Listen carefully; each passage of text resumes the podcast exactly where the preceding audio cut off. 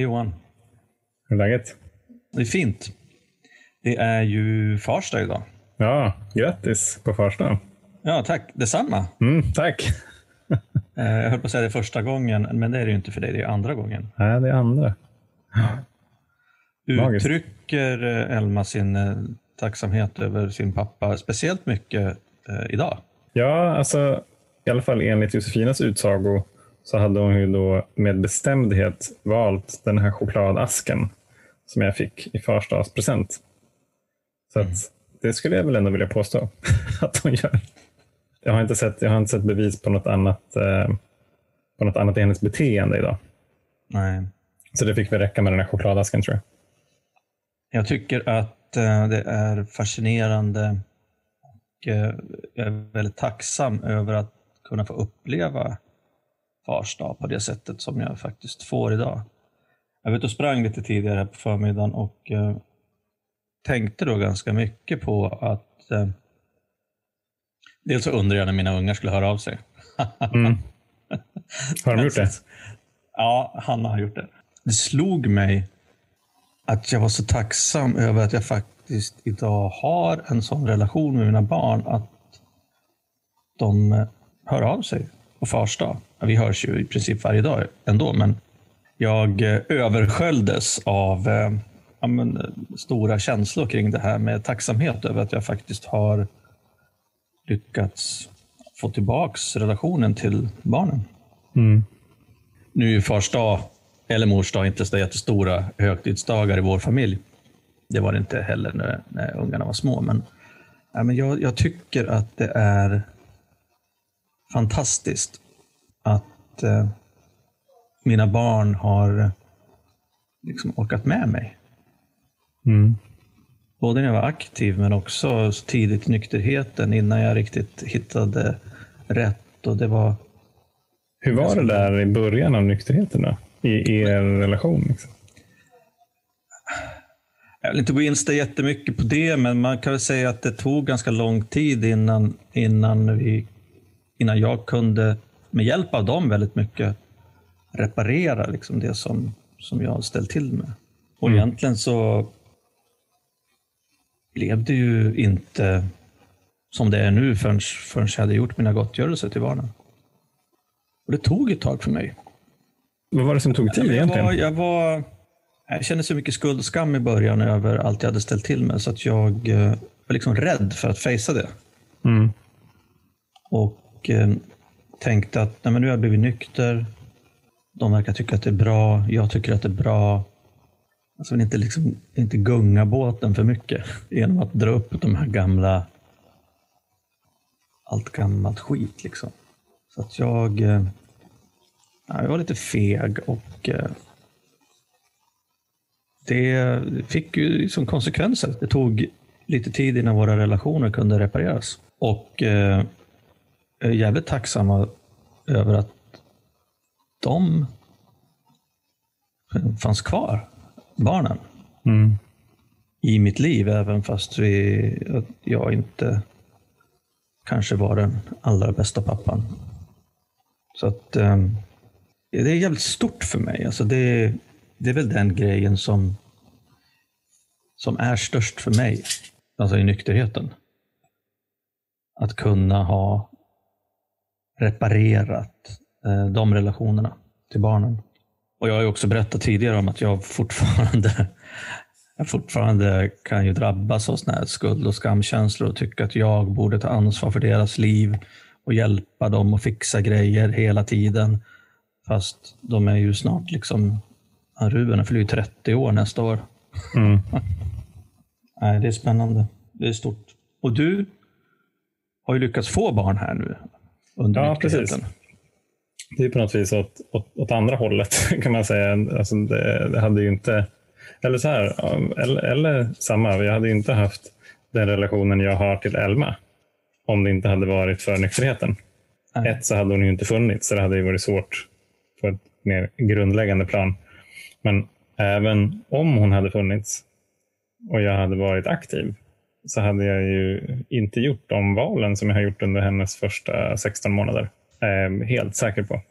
Jag hade till exempel inte varit pappaledig lika mycket Och eh, jag hade haft ett annat fokus under den här pappaledigheten. Jag är också ganska säker på. Jag kan, jag kan verkligen så här, ja, de här dagarna där, där, det, där, där det är många grejer samtidigt som skiter sig. Hunden gnäller och liksom, eh, Elma vill inte äta någon, någonting som, som pappa lagar eller liksom, och det är fel, fel på allt. De dagarna kan jag ta liksom med ro nu. Det är klart att jag kan bli lite irriterad och så här, men jag inser också innan jag liksom agerar ut att det finns ingenting som blir bättre av att jag visar att jag är irriterad. Den, det enda som liksom funkar är att vara lugn och kärleksfull. Men det, hade jag ju, det var jag ju nästan aldrig när jag var aktiv. Jag, jag kunde ju utstråla samma kärleksfullhet, inbillar jag mig, när jag var liksom perfekt full. kanske. Men, men inte en, eh, jag hade ju inte orkat ta mig igenom livet liksom en regnig tisdag med gnällig hund och gnälligt barn utan att tycka fruktansvärt synd om mig själv. Så att jag hade ju bunkrat upp mina krediter på, på fyllekontot ordentligt och verkligen fått eh, casha in med jämna mellanrum. Att så här, nu har jag förtjänat att liksom blåsa skallen i små bitar. Helt enkelt. Jag kan se framför mig, jag vet inte hur det skulle vara, men jag kan se framför mig att min mentala besatthet kring alkohol hade kickat igång eh, väldigt mycket. Och Det där är ju farligt. Alltså det, det har vi pratat om att eh, när vi var aktiva, och det här har ju jag erfarenhet ifrån när mina barn var små, när jag fortfarande drack. Mm. Att eh, de valen jag gjorde då, det var liksom de, jag valde ju alkoholen och försökte fixa allt annat så att det skulle passa in. Jag valde inte liksom att vara helt närvarande med barnen om jag inte kunde planera in liksom när jag skulle dricka. Jag, jag valde inte att eh, låta bli att dricka för att de ville att jag skulle vara med på någonting. Då hittar jag hellre på ursäkter. Och det där är också en grej som jag tycker är så skön idag, att inte, att inte behöva ha den här mentala besattheten kring någonting som gör att jag inte kan välja att vara närvarande med till exempel mina barn eller med Jenny eller i nuet. Och Det är så spännande, tycker jag, nu pratar vi om närvaro igen. Mm, det börjar ja. bli liksom en följetong här i varje avsnitt som, vi, som, vi, som vi spelar in.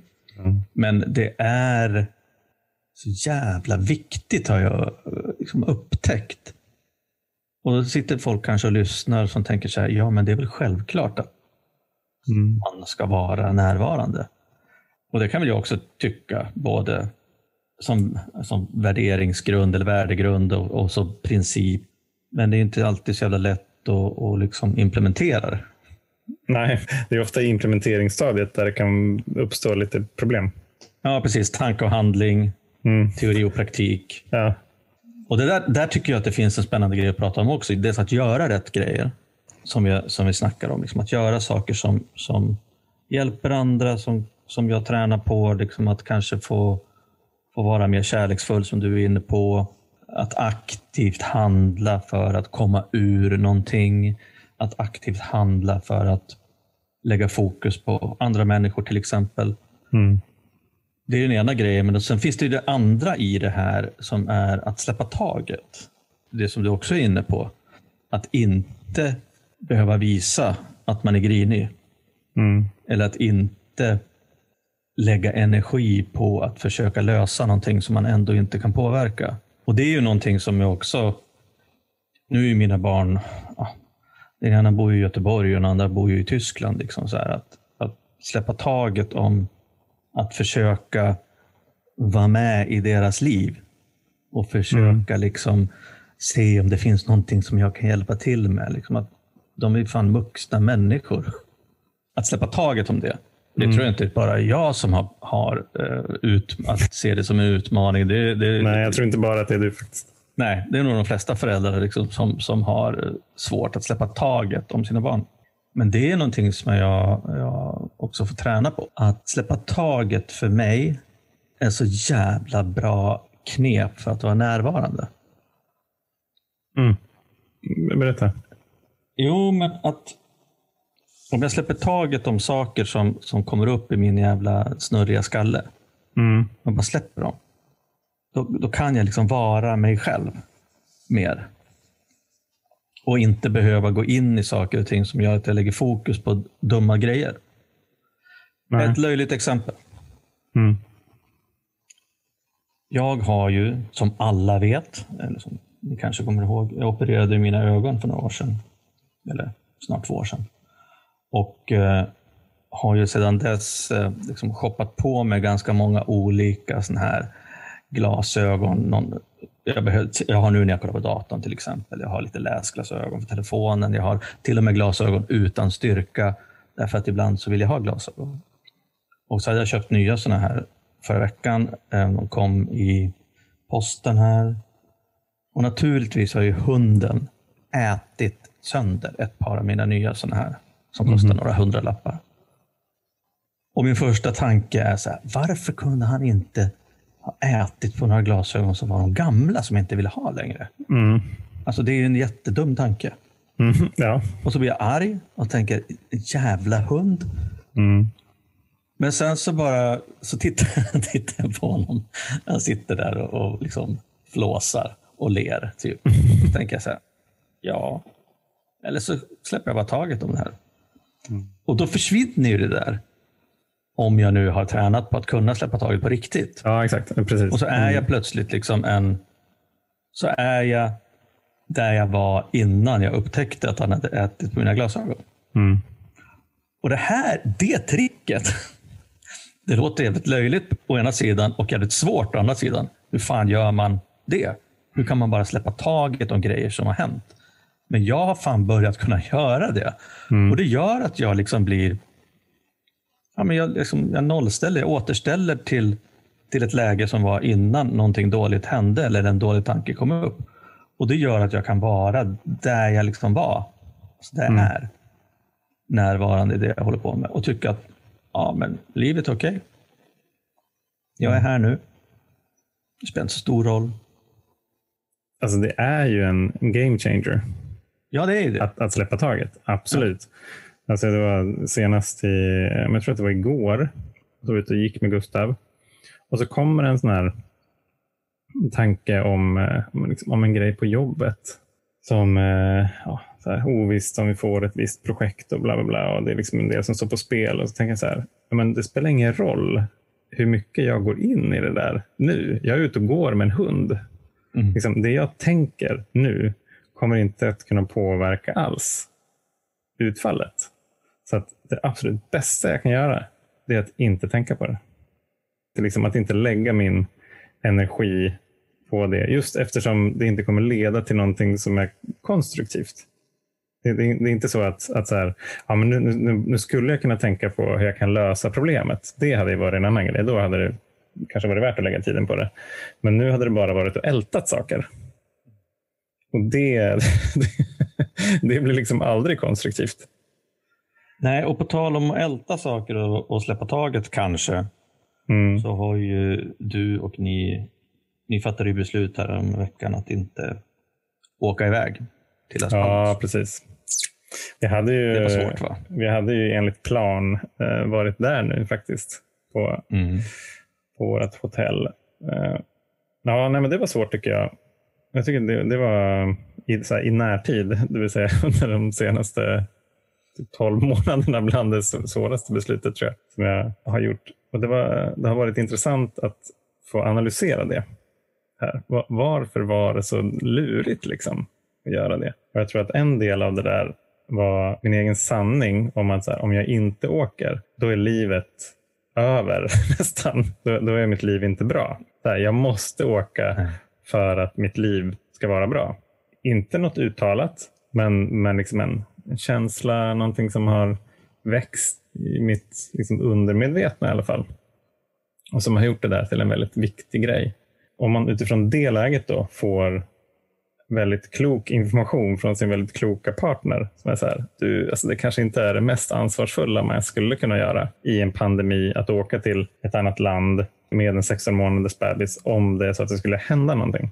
Om vi skulle sitta i karantän där. Det känns som att det är, det är för mycket risker och eftersom vi inte behöver åka så tycker inte jag att vi ska åka. Jag hade så extremt svårt att, att ta till mig det där kloka budskapet. Det var, det var så direkt Jag tänker så här att om jag fick ett sånt där argument som är så där överklokt Mm. Då skulle jag ändå spontant försöka hitta liksom lösningar och argument för att vi ändå skulle kunna åka. Ja, ja men det var ju det jag pysslade med i 24 timmar, 36 kanske efter. Ja, men alltså man skulle ändå kunna liksom fixa så här. Jag skulle kunna ringa hotellet och kolla om, eh, om vi kan göra liksom ett eh, test direkt när vi kommer dit. Och vi, vi kan ju eh, boka tid på Doktor 24 och så kan man, ta, man kan betala typ så 1700 spänn för att ta ett test innan man åker ner. Bla, bla, bla. Och sen liksom mitt uppe i, i allt det där så, så säger också Josefina, ja men alltså jag kommer ju bara vara orolig där hela tiden. Alltså om vi åker ner, då kommer jag vara orolig under hela vår vistelse. Det är inte det som är poängen. det blir svårare och svårare att argumentera ja, nu. Här. Ja, precis. Jag känner att så här, nu är jag på väg in i ett hörn här. Det är ju väldigt svårt att argumentera mot någon annans känslor kring mm. någonting såklart. Dels så, så fick jag ju mer kloka perspektiv på den här um, på den här situationen. Och sen så var det faktiskt eh, en morgon när jag läste i stora boken så kom det liksom till mig tanke som är just första traditionen. Så här, vår gemensamma välfärd kommer i första hand. Personligt tillfrisknande beror på enheten då i gruppen, det vill säga i det här fallet familjen. Och jag har liksom fått inspiration från traditionerna några gånger i vårt förhållande. Och det här var liksom den senaste i raden och det är väldigt klokt tycker jag. För att jag skulle åka på en sån här resa, dels för att vara liksom i en liksom parterapiprocess, men även liksom för att jobba individuellt. Jag menar, det är klart att jag hade kunnat kanske då tjatat mig ner till Las Palmas med en partner som hade varit orolig och rädd under hela tiden. Så det hade ju varit det vi hade behövt prata om i, i parterapin som hela tiden. Och om det hade hänt någonting så hade det ju inte alls varit bra. Så då tänkte jag så här, ja men den här traditionen är ju så vis. Det finns väldigt mycket liksom andlighet i den. Att vår gemensamma välfärd kommer först och liksom personlig utveckling beror på enheten i vår familj. Så att om vi är så djupt oeniga om någonting men ändå åker, då är det ju bäddat för att vår personliga utveckling inte ska kunna fortskrida. Så att då blev beslutet väldigt enkelt helt plötsligt. Så bara, ja, ja. Men alltså det, det, finns ju inte ens tillräckligt många alternativ för att det skulle kunna vara ett beslut. Det blev ett icke-beslut. Det var det, det var det enda som fanns. Och sen så utifrån det så kunde vi sen gemensamt hitta en konstruktiv liksom, väg framåt från det. Ja, perfekt. Nu har vi liksom en vecka där vi har tagit semester båda två. Vi är lediga, vi, vi får liksom tillbaka pengar från hotell och flyg och sådär. Ja, vad ska vi göra av det här? Ja, men då tar vi in på, på ett hotell i Saltis istället. Och så är vi där tisdag till lördag och så kör vi parterapin över Skype. Där, och ändå mm. skapar liksom den där bubblan kan man väl säga som vi har längtat efter att få skapa. För att bara kunna fokusera på varandra och relationen och eh, liksom vår utveckling. Det är jävligt spännande det här. Jag menar, jag, just den här processen att när man flyttar sig själv, eller jag flyttar mig själv ifrån självcentrerad egennyttig och eh, offer, den här offerrollen och, och att liksom, det är någon, någon jävel. Mm. Mm. Vems fel är det här egentligen? Varför kan inte livet vara rättvist? Mm.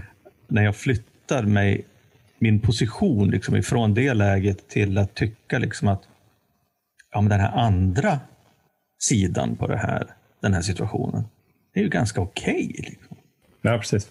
Kunna göra sådana förflyttningar i, i ja, men de är ju känslomässiga. Mm.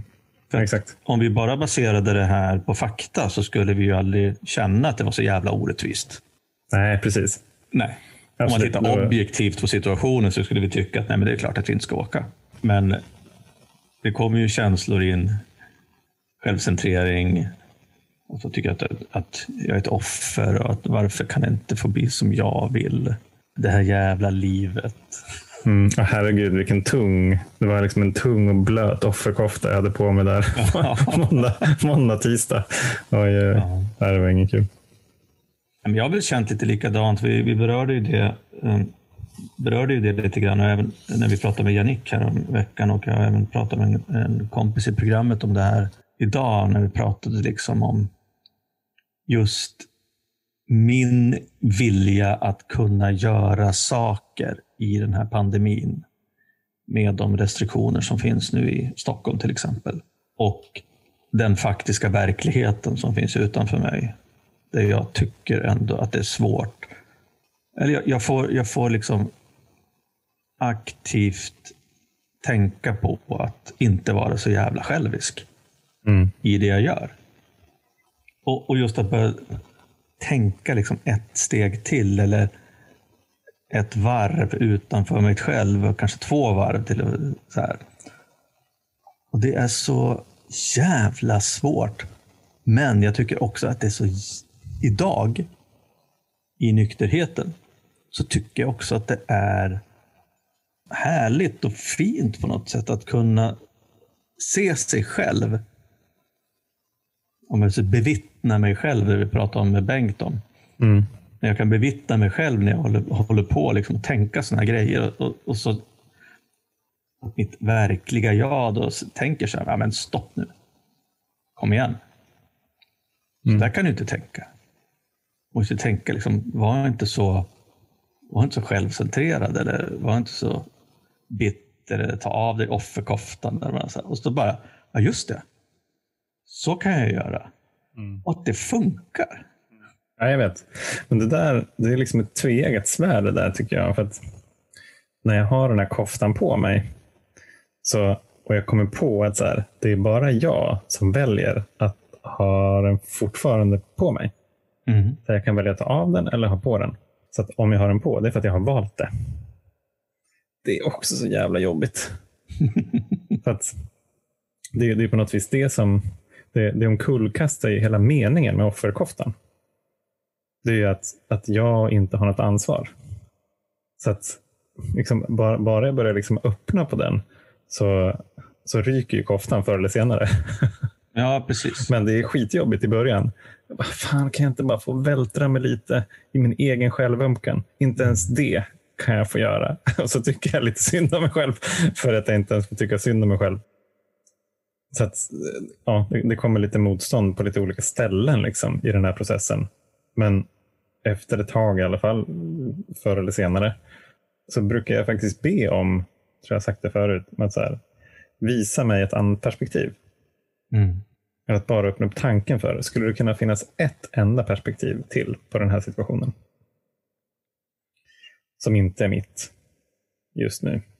Ja, okej, intressant. Vad, vad skulle det kunna vara? Ja. Jag menar, men ta bara den här att vi nu ska ta in på hotell, liksom, ha en staycation i Stockholm på ett härligt hotell. Det är ju fantastiskt. Men det, jag såg inte ens det som en möjlighet eftersom jag var så låst liksom, i min position. Mm. För Jag visste att det, här, det, enda som, det enda som skulle kunna göra mitt liv drägligt ens, det är att vi åker på den här resan. För Att det är ju liksom återigen till Bengts kloka ord där man sår förväntningar får man skörda besvikelser. Någon förväntan har jag. Jag har ju en tanke om liksom, ja, men om vi åker till det här stället så skulle det kunna vara så här. Men bara det att jag säger till mig själv att ja, men om vi gör det här, då skulle det här kunna hända. Men det kan också hända andra saker. Det, det är ju inte säkert att en resa till Kanarieöarna blir så här härlig som man, kan, som man kan tänka. Det hade det ju definitivt inte blivit om vi hade blivit sjuka. Till exempel. Den här sinnebilden som jag har, som jag då fram tills liksom bara för några dagar sedan styrde mitt liv jävla hårt ifrån. Den är ju inte sann. Men den känns så jävla sann. Tidigare, när jag var låst i sådana här positioner, då var jag rädd för att om jag ändrade mig så betydde det att jag hade fel. Mm. Och jag ville inte ha fel. Mm. Och idag så är det som om, liksom, jag vet inte, mitt riktiga jag har någonstans lärt sig att jag kan ha en, eh, jag kan vara, jag kan vara låst i en position, men det behöver inte betyda att den är rätt eller fel. Jag bara fattar att ja, men nu har jag, nu är jag liksom inlåst på det här. Men det finns andra grejer. Mm. Och Det gör det liksom lättare att låsa upp den här positionen. Mm. Det som du är inne på med andra perspektiv. Och, och, och tycka liksom att idag kan jag snarare tycka att det är skönt att få lära mig att det finns liksom ett annat perspektiv. Mm. Att det finns och, och att jag kan släppa taget om det och plötsligt ändra mig eller lära mig någonting och förstå någonting och tycka att ja, men det här är ju rätt. Okej, okay, jag kanske hade fel förut, men jag är inte rädd för att ha fel längre. Nej. Jag vet att jag har fel ibland. Jag vet att min skalle är funtad så att jag ibland, ofta, låser in mig på grejer som, som jag kanske inte vill låsa in mig på. Jag vill vara en annan människa. Men, men det är okej okay idag för att jag fattar att, att jag kan ändra mig. Och jag försöker snarare träna på att, att hitta den andra positionen så ofta det går. Att jag mm. vet ju att om jag försöker luska och tänka och älta de här grejerna själv, det blir sällan liksom bra eller rätt. Nej, det, det, det, säll, det, finns sällan en konstruktiv väg när det bara är jag som är i processen. Det är här, jag, jag kommer ju att tänka på vår vän Björn Natthiko Lindeblad. Mm. Hon har precis släppt en bok som heter just Jag kan ha fel. Och det är eh, så jävla fint tycker jag. Att eh, ja, Det kan vara så här. Det kan också inte vara så här. Jag kan ha fel. En väldigt lugn inställning till livet på något vis. Om jag kan ha fel så behöver jag inte ha rätt. Och, Det som jag tycker är så skönt i det där, vad roligt att vi hamnade här i det här samtalet, men just att det är fan inte farligt att ha fel. Nej. Och Det är också någonting som jag har lärt mig släppa taget om. Alltså just det där, jag kan ha fel och att fatta att ja, jag kan ha fel. Jag är så jävla glad över att jag liksom har eh, hamnat här till slut. Mm. I mitt tillfrisknande och tycka att äh, det är inte så farligt att ha fel. Och eftersträva liksom att, att se andra möjligheter. Mm. Men så är det inte att det, alltid att det går automatiskt. och att det, att det är jättelätt att se andra perspektiv. Men eh, det är skönt idag tycker jag att kunna träna på de här grejerna så att, så att det inte är en så stor grej. Mm. Nej, precis. Nej, exakt. En, en annan grej som jag kommer på i den här processen så, så tänkte jag också när vi då hade tagit beslutet att för jag varit nykter i nästan fem år. Vad är det som gör att, att jag liksom inte bara kan se det där direkt? Och då, då tänkte jag på att så här, ja, men i nykterheten så får vi verktyg, till exempel genom eh, stegarbete och så där. Vi lyssnar på andra kloka människor som delar om hur de har hanterat sina mer eller mindre ohanterliga liv så får vi massa verktyg. Men de där verktygen är inte värda någonting om vi inte använder dem. Som till exempel bön och meditation. Till exempel. Det spelar ingen roll liksom, hur, mycket, hur mycket jag har läst om det eller hur länge jag har vetat om att det är ett verktyg om jag inte använder det som ett sätt att, liksom, att hitta en rätt väg eller en bra väg, en kärleksfull väg genom mitt liv. Ja, men då spelar det ingen roll det är på något vis inte så antalet verktyg som, som spelar roll, utan vilka verktyg jag väljer att använda. Det där ehm, leder mig, då, alltså du pratar om bön och meditation, elfte steget och tionde steget är ja, att vi liksom fortsätter vår självrannsakan och genast ber om ursäkt om vi gör gjort någonting dumt. Och i den texten så står det ju så här, se upp med själviskhet, oärlighet, harm och rädsla. Mm när sådana känslor kommer tillbaka. Mm. Inte om. Då, nej, inte om och in, inte det kan hända. Liksom. Och, och Jag tycker att det är, en, det är både en bra påminnelse att de kommer att komma tillbaka, men det är också en tröst. Mm. Att jag behöver inte, efter att ha gjort de här första nio stegen, så kommer jag inte att vara liksom perfekt och frisk. Utan steg 10, 11, 12 då, att vi varje dag liksom fortsätter med de här grejerna för att de kommer att komma tillbaka. Jag tycker att det är så jävla skönt att, att det har landat i mig att ja, jag vet att det kommer att komma. Mm. När jag har de här verktygen. Mm, exakt. Som du säger. Och ju mer jag tränar på, desto mer sällan så kommer de kanske komma tillbaka. Mm. Härligt en incheckning.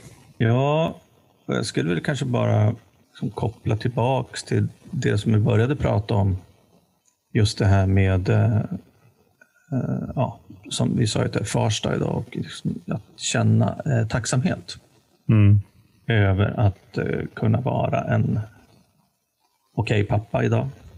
Men också de här grejerna som jag pratat om i det här samtalet. Jag är så jävla tacksam över att få göra det här, att ha den här gemenskapen, att ha programmet eh, och eh, att få en möjlighet om jag vill och om jag gör det jag ska varje dag faktiskt kunna påverka mitt mående, mitt liv och eh, ja, men min omgivning. Ja, det är magiskt. Jag delade faktiskt igår på ett, på ett möte om det jag kallar för ansvarsparadoxen. det är att när jag var aktiv så var det som att frihet var lika med att inte ta ansvar. Liksom om jag kunde fly undan ansvar så var jag fri. Och Det där blev ju ganska jobbigt efter ett tag.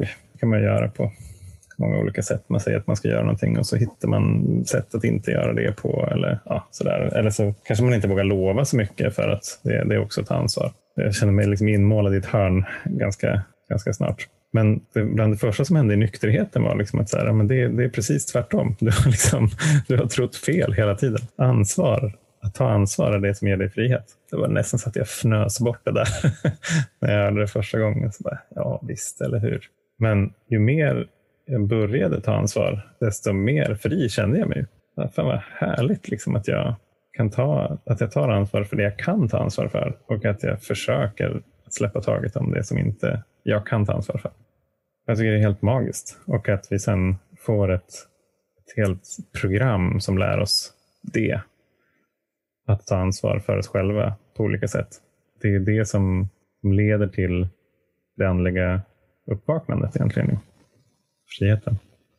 En grej jag tänkte på också när vi pratade, och det här är ju så, det är faktiskt första gången jag kommer som jag tänker på det. Också en sån här grej som jag slog mig bara. Alltså det vi har pratat om idag, det skulle man ju kunna på, på hederlig eh, svenska kunna kalla liksom för sunt förnuft. Mm, ja, absolut. Eller hur? Mm. För många människor är det här inga konstigheter. Det är liksom, ja, man beter sig som, som en normal människa om man har liksom sunt förnuft och man är vänlig. Så här. Och då slog det mig idag liksom så här, eller att man har blivit förståndig. Och i den tidigare översättningen av stegen så var ju steg två. Att vi kom till tro på att en kraft större än oss själva kunde återge oss vårt förstånd. Mm. Idag så heter det ju mental hälsa. Mm. Jag tänker det här med förstånd att det gör för mig, det är lite lätt, lättare att greppa en mental hälsa för mig. Och det slog mig så här att, jaha, är det det här de menar med stegen? Just det. Med förstånd och mental mm. hälsa. Att, att, jag faktiskt, att jag faktiskt kan träna på att ha sunt förnuft. Mm. Mm, den är jag helt med på. Jag har tänkt på att, ja visst, jag var mentalt, alltså den mentala besattheten försvann ju. Och jag tänkte mycket att det var den som man pratade om i andra steget, med att återfå mental hälsa, att man mm. slipper den mentala besattheten. Men nu slår det mig att, vad fan, det, det kanske är det här. Och då blir det liksom en till dimension på det. Jag kommer tänka på det så när du pratar om andlighet. Om jag kan släppa taget för det jag inte kan påverka och ta ansvar för det som jag kan och göra det med hjälp av min högre makt. Mm. Den kraft som är större än jag själv att det är det som, alltså det att, att det ligger en andlighet i det sunda förnuftet. Mm. Och det tycker jag är jävligt spännande. Det måste jag utforska. Ja, det är spännande det tycker jag. Så att, är det så att det är egentligen inte mitt sunda förnuft, utan jag får hjälp med att vara förnuftig, eller förståndig. Mm. Och det tror jag på. Ja, men precis. Alltså det, är, det är som de här eh, texterna som vi läste på morgonen, att, eh, att be Gud styra tankarna liksom bort från självömkan, oärlighet och egennyttiga motiv.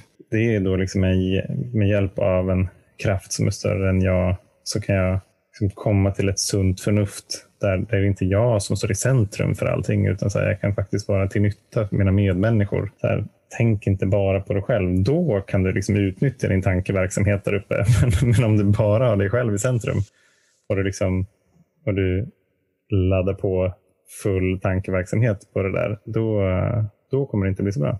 Nej, precis. Det är så jävla härligt att kunna få hjälp med att ja, inse att jag har fel, Inse att det finns fler, fler perspektiv, inse att jag kan släppa taget om saker och ting, inse att jag inte är centrum på planeten. Mm. För att det trodde jag ju tidigare. Alltså det är väldigt skönt att inte vara det tycker jag. Ja, absolut. Det är ganska mycket press där i mitten. Ja, verkligen. Ja, men gött, så vi, vi, tar, vi tar ett steg tillbaka från universums mittpunkt, Mm. eh, tänker jag. Det är ganska, det är en ganska härlig, härlig position att ta helg ifrån också. Verkligen. Och det som är spännande med det, alltså helg, det är också att där finns det en enkel övning, liksom att ta ansvar för sin helg. Mm. Det jag kan. Så det får ni se till att göra där ute. Vad nu det innebär. Ja, exakt vad nu det innebär. ja. ja, men härligt. Tack Roger. Tack Johan. Och ta hand om er alla där ute och eh, fortsätt, fortsätt skriv till oss. Det är jättehärligt att det är så många som hör av sig. Nu har det varit väldigt många. Tack för det. Eh, vi har fått många bra tips på teman och lite gäster och sådär. Och många som hör av sig och delar sina berättelser. Vi, vi läser ju precis allt som ni skickar och vi svarar på alla mejl. Ibland snabbt, ibland långsamt. Och ni, ni når oss på alkispodden.gmail.com eller såklart så kan ni höra av er på Instagram eller Facebook. Grymt. Mm. Ta hand om er där ute och ha en riktigt eh, trevlig helg. Ja, ha det så fint alla. Ha det bra. Ciao. Hej då.